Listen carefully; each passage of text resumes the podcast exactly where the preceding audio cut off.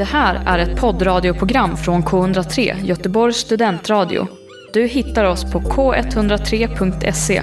Av upphovsrättsliga skäl är musiken förkortad. Hur länge skall på borden den lilla halvan stå? Skall snart, skall snart ej höras orden. Nu halvan gå, låt gå. Hur länge skall på borden den lilla halvan stå? Skall snart, skall snart ej höras orden. Nu halvan går, låt gå. Det ärvda vikingasinne till supen trår igen och, och helans trogna, trogna minne i halvan går igen.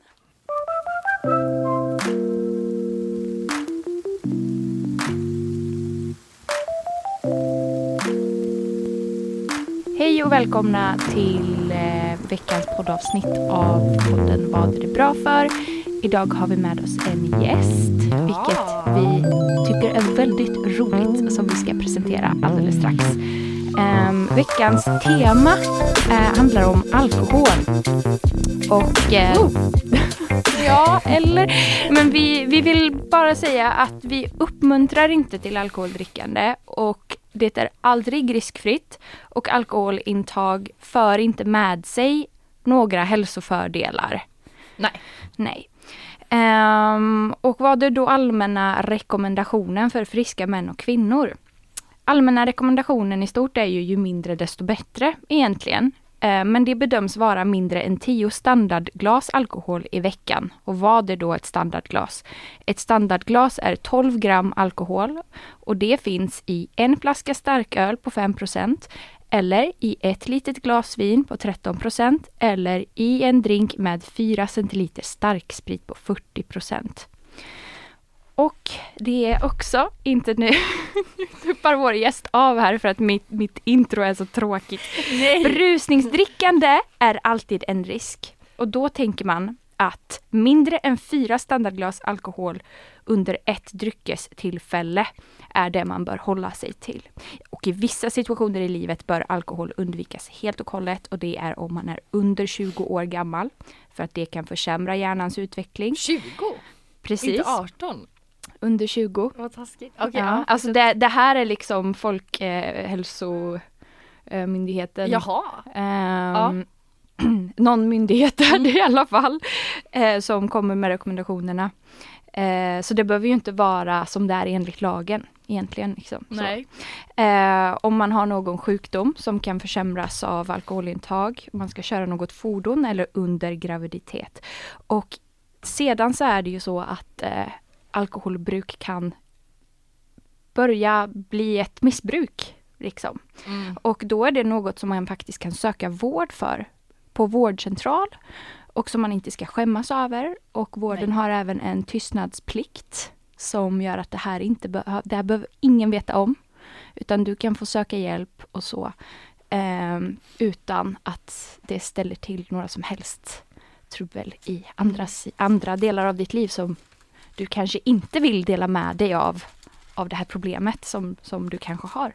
Och det man kan göra för att checka sina alkoholvanor så finns det något som heter CAGE-modellen. Eh, och då står C för cut down och då har du försökt dra ner på ditt drickande. Ehm, A står för annoyed och då det, har du känt dig irriterad när andra kritiserat dina alkoholvanor. G står för guilt. Every time. G står för guilt. Har du någon, haft, någon gång haft skuldkänslor för att du har druckit? Och E står för eye-opener. Och det är då frågan, har det hänt att du druckit alkohol tidigt på dagen? Kanske till lunch eller tidigare för att komma igång. Och det här är då frågor som man kan använda för att checka sina Mm. alkoholvanor och se om det är så att, att det faktiskt stör ens eh, var- vardag i en stor utsträckning. Eh, och så är det ju så att långvarigt alkoholmissbruk kan leda till kronisk sjukdom som Mm. då kan dra ner livskvaliteten ordentligt kan man säga. Mm. Så eh, det var min eh, introduktion och, Mm. eh, tr- och då är det ju så att eh, vi ska ha en veckans pinsammaste. Och sedan då, varför ska vi prata om det här ämnet överhuvudtaget? Och det tycker jag i alla fall är liksom, trots allt detta som vi vet om alkohol, så är det ju väldigt accepterat i vårt samhälle och det är associerat med härliga tillställningar som firande, högtider och fester. Och varför är det så? Varför är det bra på det viset att trots alla de här riskerna och problematiken så är det en sån självklar del i våra Mm. liv. Alla våra liv som sitter här i den här studion. Mm. Ja, Verkligen. det är det ändå Ja. för mig. Mm. Alltså, och studenter generellt, liksom, vi är ju alla, alla studenter och, och Ja. så. Och så har det ju varit i typ, ja, men flera generationer tillbaka. Mm. Okej, veckans pinsammaste ska vi köra och Ja, vänta, eh, vänta, vi ska vänta. introducera Ja. oss. Vi måste introducera Ja. våran eh, gäst. Vår gäst. Han älskar fest. Han älskar bubbel och han är tacksam när han är bakfull. Här har vi kemiteknikern, hobbyteologen och eh, soon to be läkaren Gustav Bergström. Välkommen! Tack! Kul att få vara här. Tack för att du är här. Ja, ja. Eh, ja men det, då kan väl du börja med att dra en liten veckans pinsammaste då? Veckans pinsammaste! Veckans pinsammaste. Veckans. Veckans pinsammaste. Ja, alltså jag önskar att jag hade någon berättelse om den här. Jag är alltid rädd när jag går på toa och tar med mig Zoom-iPaden och sådär. Så jag är alltid Mm. rädd att liksom råka komma åt eh, kameraknappen, men jag har inte gjort det än. Men eh, nu var jag faktiskt på, eh, på mottagning på sjukhuset idag. Eh, och så skulle jag bara trycka bort den här upptaget-knappen när jag var färdig med patienten. Ni vet när det lyser en röd lampa. Eh, så jag var färdig och så tyckte jag att ah, men den här ska jag stänga av. Och då bara, ha, en knapp är blå, en knapp är gul. Och så bara, har jag testat att trycka på den blåa knappen. Eh, för gult betyder säkert upptagen. Och då började det ju tuta eh, och pipa. Eh, och då tryckte jag på en grön knapp istället där det stod närvaro. Men då insåg jag att det här betyder ju påkalla närvaro, eh, den här knappen. Så då kom det ju sju sjuksköterskor eh, springandes eh, till mitt rum då för att jag hade tryckt på något överfallslarm. Nej. Eh, ja. Men eh, jag hade munskydd på mig så att det var ingen som såg eh, att jag var nervös och hade tappat ansiktet. Så jag, jag sa bara, äh, det var jag, ursäkta. Och så gick jag därifrån. Ja men eh, det är faktiskt en fördel med munskydden att Ja. ingen vet vem man är. Mm. Jättebra. Man får behålla sina hemligheter för sig själv på ett annat sätt. Men en annan sak som jag tycker faktiskt minskar den här upplevelsen av pinsamhet, det är ju ändå alkohol faktiskt. Mm, verkligen. Nej du tycker, eller ja, inte efter, dagen efter, Nej. men då, där och då. Och det är också Ja. därför man gör pinsamma grejer tänker jag. mm. Det är Eh, därför det kan vara obehagligt att ha med ett nyktert vittne också på fester. Mm. Som kan berätta allt sen. Ja, ja, men att vara den som säger att Nej, men jag har lika roligt ändå, ja, fast du är ju ett nyktert vittne. Och det måste ju också problematiseras. Veckans. Veckans pinsammaste. Ja, Vill du ge dig själv någon introduktion, Gustav? Vem är du? Eh, jo, jag är eran kompis eh, sedan tidigare. Eh, jag har en eh, brokig historia. Jag har, ehm, eh, har varit nykterist i tio år eh, och eh, sedan så blev jag hobbytillverkare eh, tillverkare av alkoholdrycker istället. Och, Spännande. eh, har ju eh, utforskat en del eh, sidor av alkoholen och fått upptäcka det på olika sätt och tänkt mycket på det. Kanske då delvis på grund av min eh, historia och att jag har levt nyktert en gång i tiden. Mm. Mm. Ja, vad intressant. Jag ser fram emot att höra mer om detta. Mm. Mm. Mm. så eh, om du tänker så här då, Gustav, alkohol, vad är det bra för? Jo, alltså jag tror att vi måste bege oss tillbaka en bit till historien. Ni vet, eh, alltså ni vet gubben Noah? Gubben Noah, Mm. Va- vad, vad vet ni om honom? Han var en hedersman. Ja, han var en hedersman, precis. Och det är ju, alltså, det, är ju det vi sjunger i, i sången. Och och eftersom han var en hedersman så hade ju Gud utvalt honom att eh, bygga en ark för att eh, han och hans familj skulle vara de enda som överlevde eh, den stora syndafloden i Bibeln. Men den är ju även beskriven i annan text som i Gilgamesh-eposet och sånt där. Så man kan ändå tänka sig att liksom de här berättelserna är väldigt långt tillbaka i mänsklighetens historia. Ja. Och, eh, och då vet ni att alltså, Noa flöt omkring på arken och, och så började vattnet sjunka undan. Han skickade iväg en duva, den kom tillbaka med oliver. Eh, och, eh, och sen när arken till slut strandade på ett berg i Turkiet så eh, då är det, alltså vad är det första som Noa gör då? Mm. Och då, stå, då går han genast ut och planterar vin. Ja, okej. Så eh, det här är liksom, alltså vi får tänka på att det här är alltså människor före bronsåldern. Det, är alltså, det här är stenåldern. Ja. Och man ser att ja, det första Noa gör när han hittar mark igen är att han går och planterar vin på marken. Gustav har då med sig en bibel till Ja, studion. Så Precis. det här är liksom, det här är hard facts. det. Så det är ju då att, Ja. så det står här att, och Noa var en åkerman och var den första som planterade en vingård. Men när han drack av vinet blev han drucken och låg, blottad i sitt tält.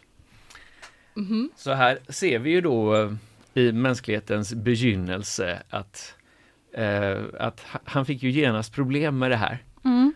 Och, eh, och då, alltså så som den här berättelsen är skriven, det finns ju inte så många andra människor, det är ju bara hans barn. Mm. Ja. Och då är det hans ena barn går dit och börjar skratta och peka åt honom och hans andra barn som är lite mer försiktiga går in och eh, liksom går in med ryggen mot honom och täcker över honom med en mantel så han slipper ligga blottad.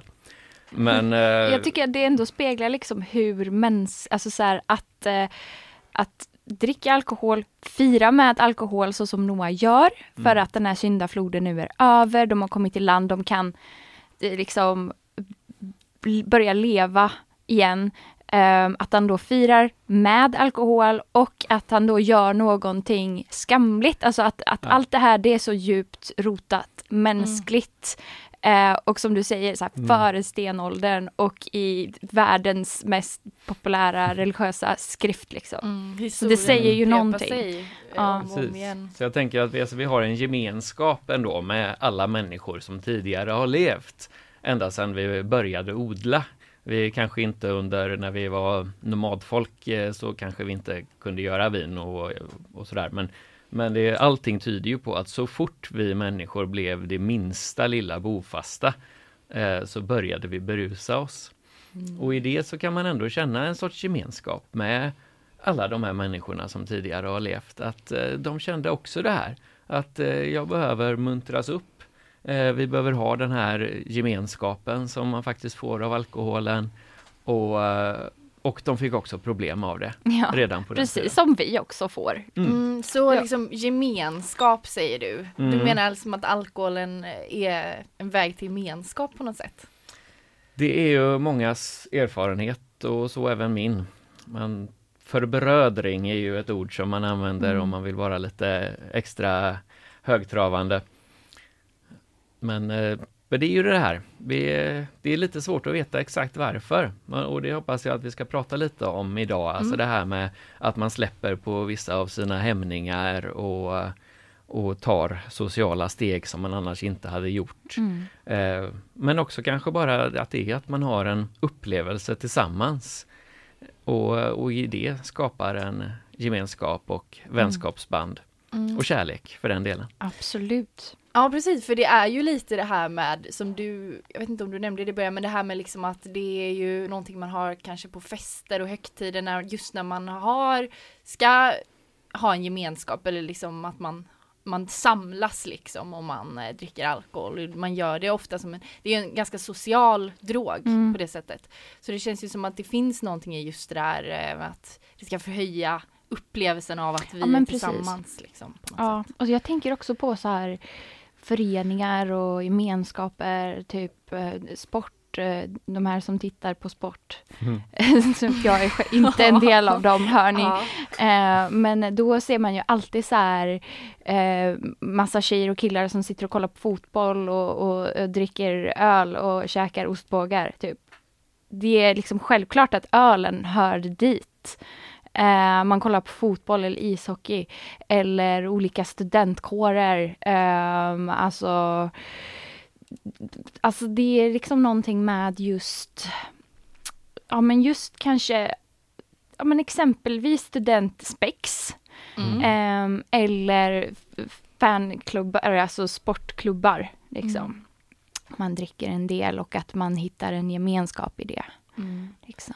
Men är det då för, som eh, du nämnde förut, det här med att man liksom kanske att man vågar mer? Är det därför att man vågar mer socialt? Att det är därför man vill ha det på sådana här sociala samlingar av olika slag? Liksom att, tror du att det skulle kunna vara det? Jag tror att vi människor har givits en enorm gåva som är våra frontallober eh, och eh, den gåvan eh, är det som gör oss till människor men det är också en tung börda att bära emellanåt. Eh, för det är där som vår impulskontroll sitter, det är där vår ångest sitter, det är där våra hämningar, hämningar sitter. Och ehm, jag tror att även våra förfäder långt tillbaka kunde uppleva en lindring i att eh, bedöva de sinnena lite grann och eh, få en upplevelse av att komma lite närmre sina eh, ursprungliga känslor eller vad man ska Mm. säga. Jag tycker det är så fint att du säger det här. Eh, just för att en stor del i, i, i problemet med beroende och, och missbruk är skammen som finns runt det. Och när du, när du säger det, det som du sa nu och beskriver det på det viset så visar det ju också på hur hur egentligen normalt det beroendet är eftersom vi har den här frontalloben som är fantastisk men som också kan verkligen ställa till det för oss och att vi då också säkert har en längtan av att bli fria från vissa så jobbiga upplevelser eller minnen eller sådär. Att det är så djupt mänskligt att hamna i missbruk och speciellt alkoholmissbruk för att alkoholen är så tillgänglig, så kulturellt accepterad. Och att det verkligen inte ska finnas något stigma kring det just på grund av, av det här. Mm. Ja men det är något fascinerande med att man liksom tycker att det är nice att fördumma sig själv. Typ. För det är ju lite det man gör då, att man tar bort sin frontallob lite grann. Att man liksom sänker funktionen. Som varför, att man vill att det är jobbigt att vara smart typ. Eller att det är jobbigt att vara... Ja. Vi är Pix på Wallenstam och du lyssnar på K103 Studentradio Göteborg. Har du någon, något bibelord där du vill komma med? Ja, jag har ett från Ordspråksboken. Eh, när man, som är en råd till en kung. Och, och där så säger man då att eh, ej kungar tillkommer det att dricka vin, ej furstar att fråga efter starka drycker. De kunde eljest under sitt drickande glömma lagen och förvända rätten till alla eländets barn. Nej, åt den olycklige må man ge starka drycker och vin åt dem som har en bedrövad själ. Må dessa dricka och glömma sin fattigdom och upphöra att tänka på sin vedermöda. Mm. Och det här står alltså i Bibeln. Och vad tänker du kring det? Jag tänker att det här kanske är en lite elitistisk eh, tanke som just eh, den här ordspråksförfattaren hade. Hur då? Eh, att eh, han tänker sig nog att eh, att det högre ståndet är ett helt annat än det lägre och att eh, människorna där nere får eh, bedöva sina sinnen med, Mm. med alkohol medan vi här uppe är för fina för det. Och så är det ju verkligen inte i, på riktigt så att säga. Nej. Eller jag menar Alla är lika bedrövade på riktigt. Ja, men liksom alla, det finns ju alkoholberoende i alla. Absolut. Men det det säger är också naturligtvis att, ehm, att den som har ansvar eh, behöver också ta ansvar för sitt drickande. Mm. Och, och det har vi ju ganska starkt i vårt samhälle idag, att vi dricker ju inte på jobbet och vi dricker inte när vi kör bil och vi dricker inte när vi ska fatta Mm. Eh, svåra beslut helst. Mm. Så att det är ju ändå ett råd som man kan ta med sig. Ja, jag tänker lite på alltså varför vi har det samhället som vi har idag med att vi dricker inte på jobbet och gör man det så blir det liksom, det blir inte bra. eh, det är ju för att vi vet hur det påverkar hjärnan och eh, vår beslutsförmåga. Liksom. Mm. Eh, och att vårt risktänk försämras och, och sådär.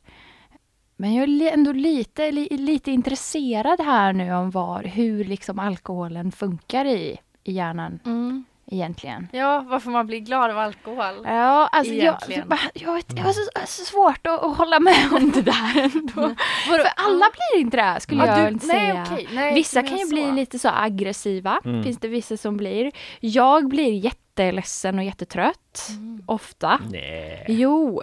du, blir, ja, du blir gullig också. Ibland blir du glad, Nu ska vi inte berätta för mycket. nej, nej, nej, jag skojar.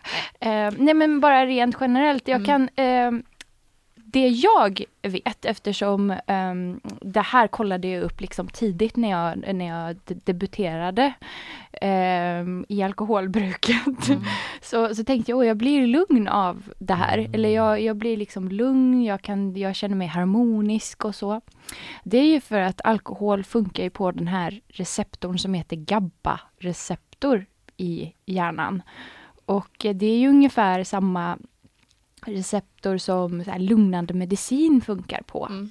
Och det är ju därför många kan liksom bli beroende av alkoholen just för att den här, alltså all ångest försvinner och liksom sådär. Och jag som har en ångestproblematik kan ju då må bra av alkohol på det viset. Ja. Nu använder jag inte alkohol på, på det Nej. viset, men det förklarar ju varför jag kände mig så när jag var på fest mm. eller när jag liksom tog något glas Precis. och så.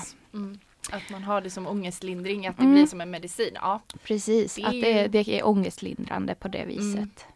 Ja. Mm. Så Gustav, du tycker man blir glad? Jag tycker absolut ja. man blir glad och det är mycket svårare att förklara.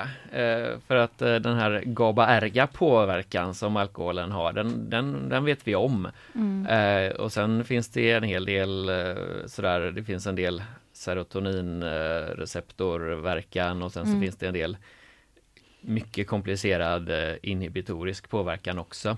Mm. Eh, men sen är ju också alkohol ett eh, starkt lösningsmedel. Mm. Det vet vi om, vi använder ju det när vi ska göra rent saker och, och så att det, det har liksom väldigt mycket ospecifika effekter. Och just det här varför man blir lite pigg, alltså varför man blir lite uppåt av alkoholen. Ja, det... det... är det, vad jag förstår, mm. ingen som riktigt vet. Men är det inte liksom centralstimulantia, dopamin mm, Nej, påverkan? men det har ju en inhiberande effekt, alkoholen. Mm. Om man tänker så här, eh, typ nikotin, Mm. Eh, det, det, har ju direkt, det verkar ju direkt bara på liksom dopaminsystemet. Men alkohol verkar just på det här GABA-erga, alltså det här lugnande, eh, liksom drar ner en, man blir egentligen lite trött och sådär. Men vad är det som gör att det får en uppåt-effekt? primärt. Det... Mm. Okej, okay, jag, tror, jag, tror, jag hade fått för mig att det var någonting med dopamin, men det är inte det då?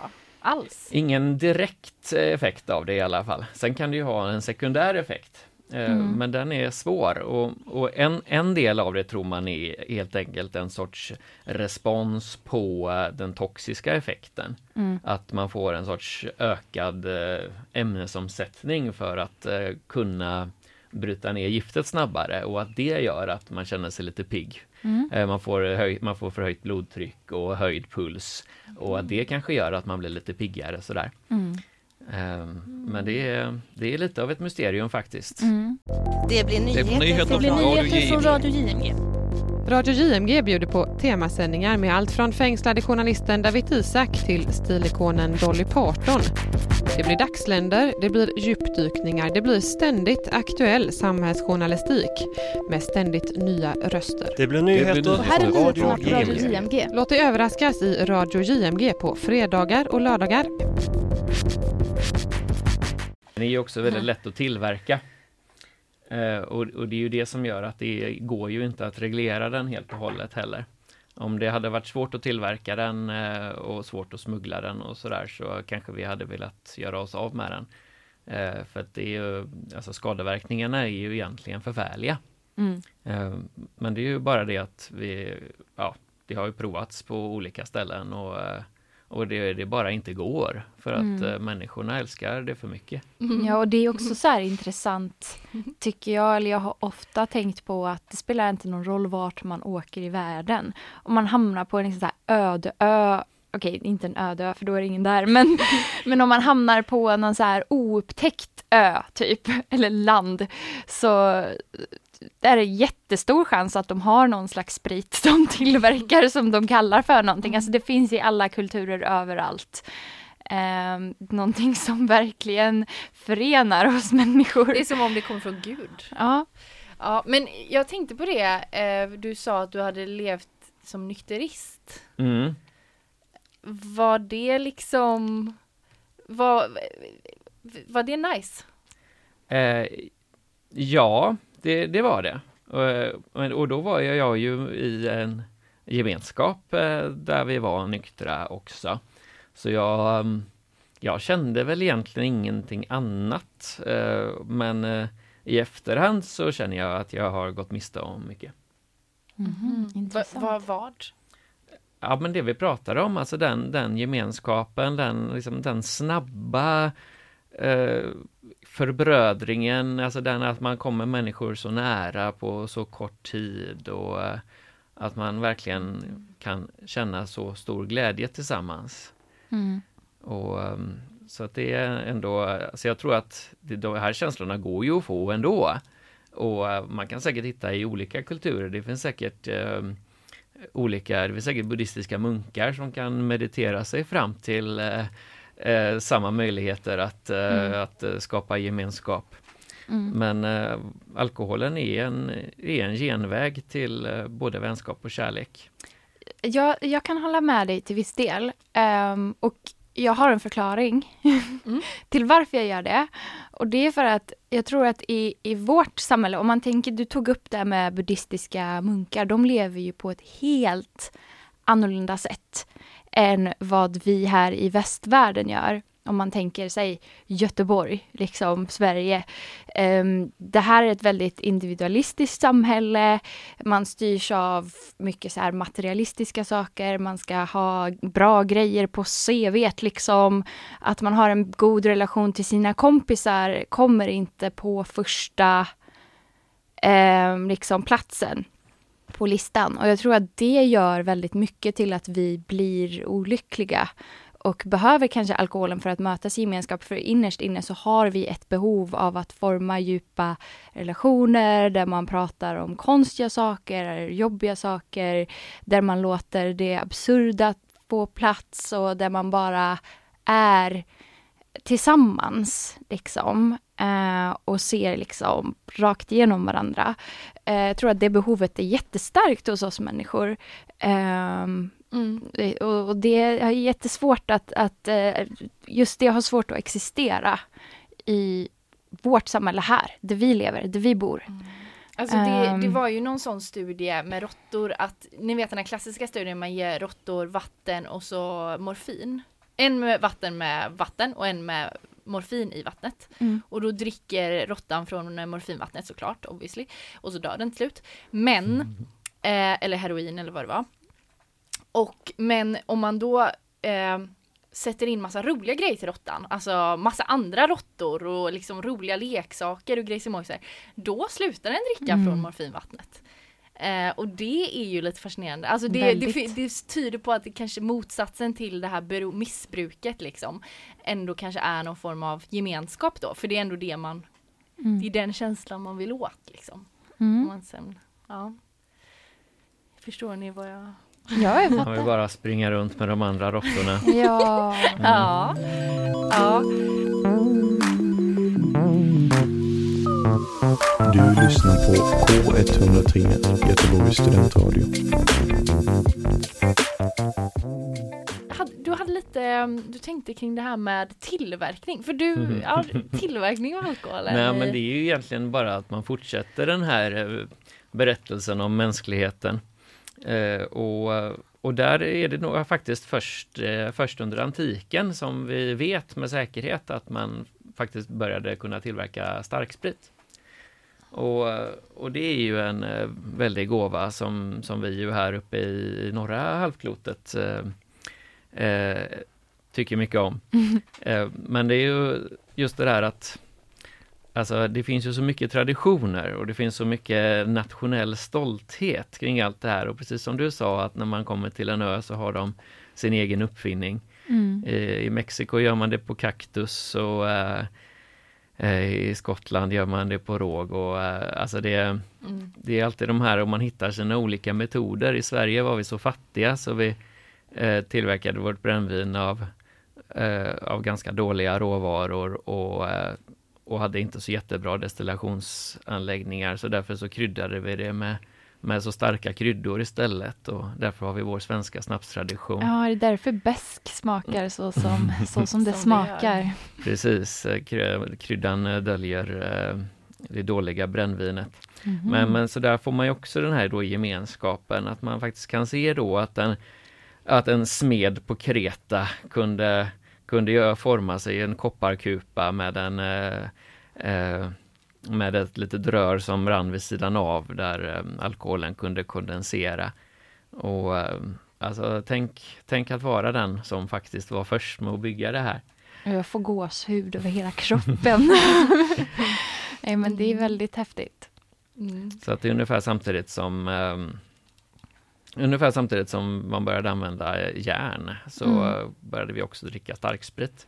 Oj, det gick så fort alltså. Mm. Från att man eh, kunde Eller till och med innan. Man kan säga att det är liksom slutet på bronsåldern ungefär Mm. som, eh, som vi börjar tillverka starksprit. Mm. Så att det följer med oss hela tiden alltså i, eh, Mm. i utvecklingen. Så att människans historia är också alkoholens historia. Verkligen. Och vi, Jag måste, vi måste förstå nästan all mänsklig historia utifrån eh, alkohol. Och även när vi tänker på sådär hur, hur olika kungar och adelsmän på 1600-talet höll på att kriga mot varandra i Europa. Det behöver vi förstå utifrån att eh, De var fulla hela tiden. de var fulla hela tiden. Alltså de, de hade inte rent vatten. Det är så sant Så de drack bara, de drack öl, alltså visserligen inte starköl. Mm. Men det var ändå alltså mellan lättöl och folköl ungefär det som man drack istället för vatten.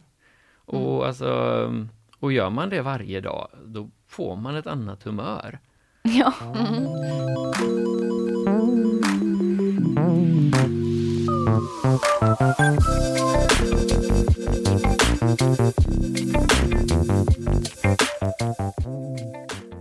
Ja, jag läste ju en studie nu inför det här eh, med lite så eh, att det var en dansk studie naturligtvis om positiva effekter då av alkoholen rent kroppsligt liksom. Och av en professor som hette eh, Mårten Grönbäck typ. Eh, ja, och grejen är att det han kom fram till i den här långa liksom, jämf- med- det var någon metastudie, det var ju kanske inte så jätte, att det var så jättebra egentligen, men det är mycket de här J-kurvorna liksom, att om man dricker lite grann, om man liksom ligger där på eh, några glas i veckan så kan det ha lite eh, hälsofördelar för hjärtat och sådär. Eh, och det är ju eh, det är ju något som typ kvällstidningar och sånt har, gillar att skriva om. ja. Eh, men det är ändå lite kul att det är så, att det ändå, att det ändå kan göra, göra något positivt även för eh, kroppen. Fast det var ju inte liksom det finns ingen evidens för att det gör det. Nej, så här, han hade jämfört jättemånga stora studier och eh, det är liksom 25 till 30 procent eh, minskade risken för kardiovaskulär disease, vilket är ganska mycket. Men det är väldigt, väldigt svårt Eh, att hålla sig kanske på rätt eh, mängd för Exakt, att det inte ska det- slå över till jättefarligt. Det är ju framförallt, det, det är ju verkligen det och plus att då så kan man så här, den gruppen de jämförde med är ju kanske då till exempel alkoholister som har slutat dricka. Alltså Ja, så att exakt. nykteristergruppen är kanske inte Precis, och det tar ju inte bort kanske Men ändå. andra risker. Nej absolut inte. Nej. Men eh, det var bara lite som en liten Kuriosa. kuriosa. Nej, men Ändå. de som, det är, ändå, det är ändå värt att tänka på det att alltså de som inte dricker alls, de gör det oftast, eller det är ganska många av dem som gör det av en anledning. Och, och den anledningen är ofta att de, att de har dålig hälsa. Mm. Ja, och det, det tog de Men det finns ju också, eh, det finns amerikanska studier däremot som, som visar att eh, de som är nykterister är, eh, är betydligt mer överviktiga.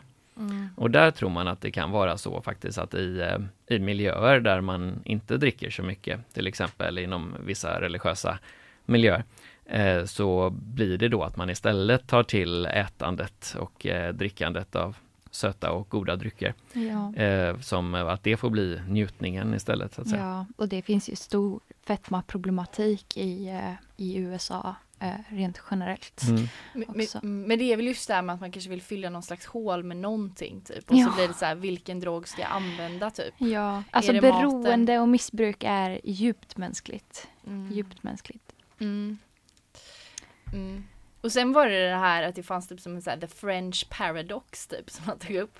Som är liksom att fransmännen Just som det. dricker jättemycket vin och röker mycket ändå typ har mindre kardiovaskulär sjukdom. Ändå för att de inte äter någonting. Nej, men då, då tänker man sig, ja kanske, men också lite det här att just vinet då skulle kanske vara lite bättre än andra typer mm. av alkohol så generellt sett. Ja det har, finns det ju mycket så myter om, eller myter. Mm, eh, men även lite forskning faktiskt. Mm. Men också typ att det är bättre att dricka lite så här som de gör du vet lite varje dag än att dricka jättestora mängder vid binge drinking liksom vid mm. enstaka tillfällen höras orden Nu halvan gå, låt gå Hur länge skall på borden den Gustav, du har med dig en sångbok ser jag. ja. Vad är det för någonting? Ja, det här är ju en studentsångbok som eh, det finns många olika, just den här är från eh, en, faktiskt en gammal från Medicinska föreningen i Göteborg. Eh, men som också då eh, handlar mycket om den traditionen som går eh, några hundra år tillbaka i alla fall på svenska universitet. Och det handlar ju väldigt mycket om det här att vi sjunger när vi dricker. Mm. Och sångerna, de tar väldigt sällan upp eh, alkoholens problem. De kan, handla om, de kan handla om bakfylla, det gör de, men det är, det är inga som handlar om eh, våld i nära relationer och så, utan det handlar om att njut av den här glada stunden. Och eh, Det är ju mycket till exempel av nationalskalden Bellman mm. som ju älskade att skriva om just dessa glada stunder. Mm. Och ja, här finns också sången om gubben Noah som jag som vi läste om förut. Men, Nej men det där, det där är mm. också faktiskt det gamla fanfarer från ja. 1600-talet. Eh, särskilt den här, alltså den här Helan går eh, trudelutten. Eh, är ju, den är en trudelutt från, eh, minst från 1600-talet som mm. ofta spelades i samband med första supen. Mm. Eh, och sen har ju då eh, inom studentkretsar på 1800-talet så började man då kalla nästa snaps för halvan och och den tredje för tersen och mm. den fjärde för kvarten och, ja. och så finns det hela vägen upp till 22. Jag vet inte riktigt hur man ska kunna dricka så många. Det är verkligen kultur. Mm. Det är kultur och sen jag tycker också så här vi har ju alla varit på många späcksittningar mm. um, som sitter här. Jag tycker det är så härligt när man ska sjunga en snapsvisa och det blir flerstämmigt och jätteharmoniskt och mm. så musikaliskt. Det är väldigt trevligt. Mm. Så skulle jag lika gärna kunna ha vatten i min snaps, eller så här, i mitt snapsglas egentligen. För det jag, jag gillar när, när man sjunger mm. och man har vissa så, det blir väldigt, väldigt festligt när det är, så när det är en sån tradition. Och sen finns det ju en hel kultur med att matcha vin till mat och typ sådana grejer också. Jaha, ja, men liksom matcha att det vin liksom till mat. hela liksom, smakupplevelsen. Mm. Ju mm. Väldigt många sådana saker. Nej men det här med mm. sjungandet det är ju något jag har med mig från barndomen. Alltså när mina föräldrar hade med mig på fest när jag var barn och så. Att då var det också sådär mycket att de sjöng snapsvisor och, mm. och blev fulla och glada och sjöng och sådär. Jag minns att jag tyckte det var så roligt att äh, följa med föräldrarna på fest. Mm. Ja. Vi ska börja avrunda nu. För mm. snart kommer Jaha. Ja. En, en person som ska använda studion här så mm. vi behöver Oj, avrunda. Jag men jag tänkte, ja men jag ja, förstår det. Kvar. Du kan, du kan, om du kan ge, ta en till grej. En sån. Ja, nej men jag har tänkt på det här med att, att det här med att inte tåla alkohol. Mm. Eh, och vi har ju varit inne på det. Men alltså det finns ju väldigt många olika sätt att inte tåla alkohol på. Ja. För att det ena är att man kan bli beroende. Eh, och därmed alltså, får alkoholens toxiska effekter, eh, gör sönder kroppen och hjärnan. för att man dricker för mycket under lång tid.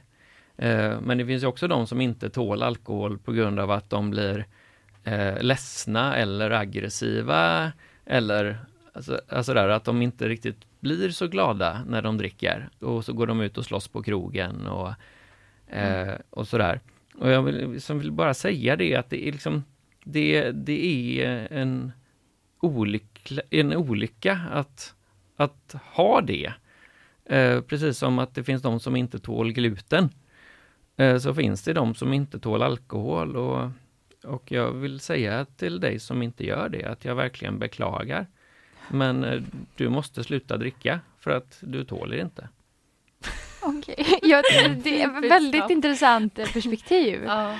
som jag själv inte har tänkt på, alltså på det viset. Men så är det ju, det är verkligen eh, olika men, hur man reagerar. Ja, precis. Mm. Mm. Ska Och, vi sammanfatta? Ja, sammanfatta. Sammanfatta.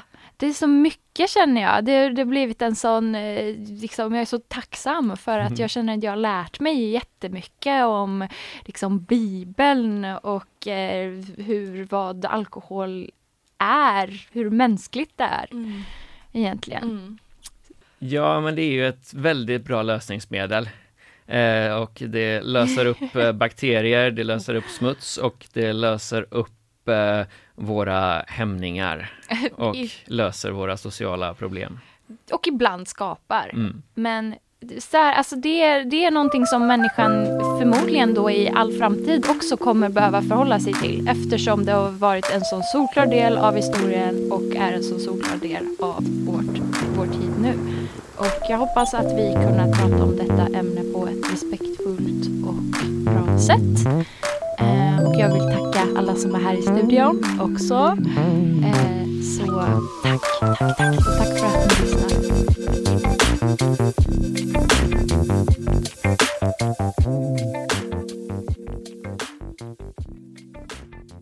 Du har hört en poddradioversion av ett program från K103. Alla våra program hittar du på k103.se. Följ oss gärna på Facebook eller på Instagram. Vi hörs!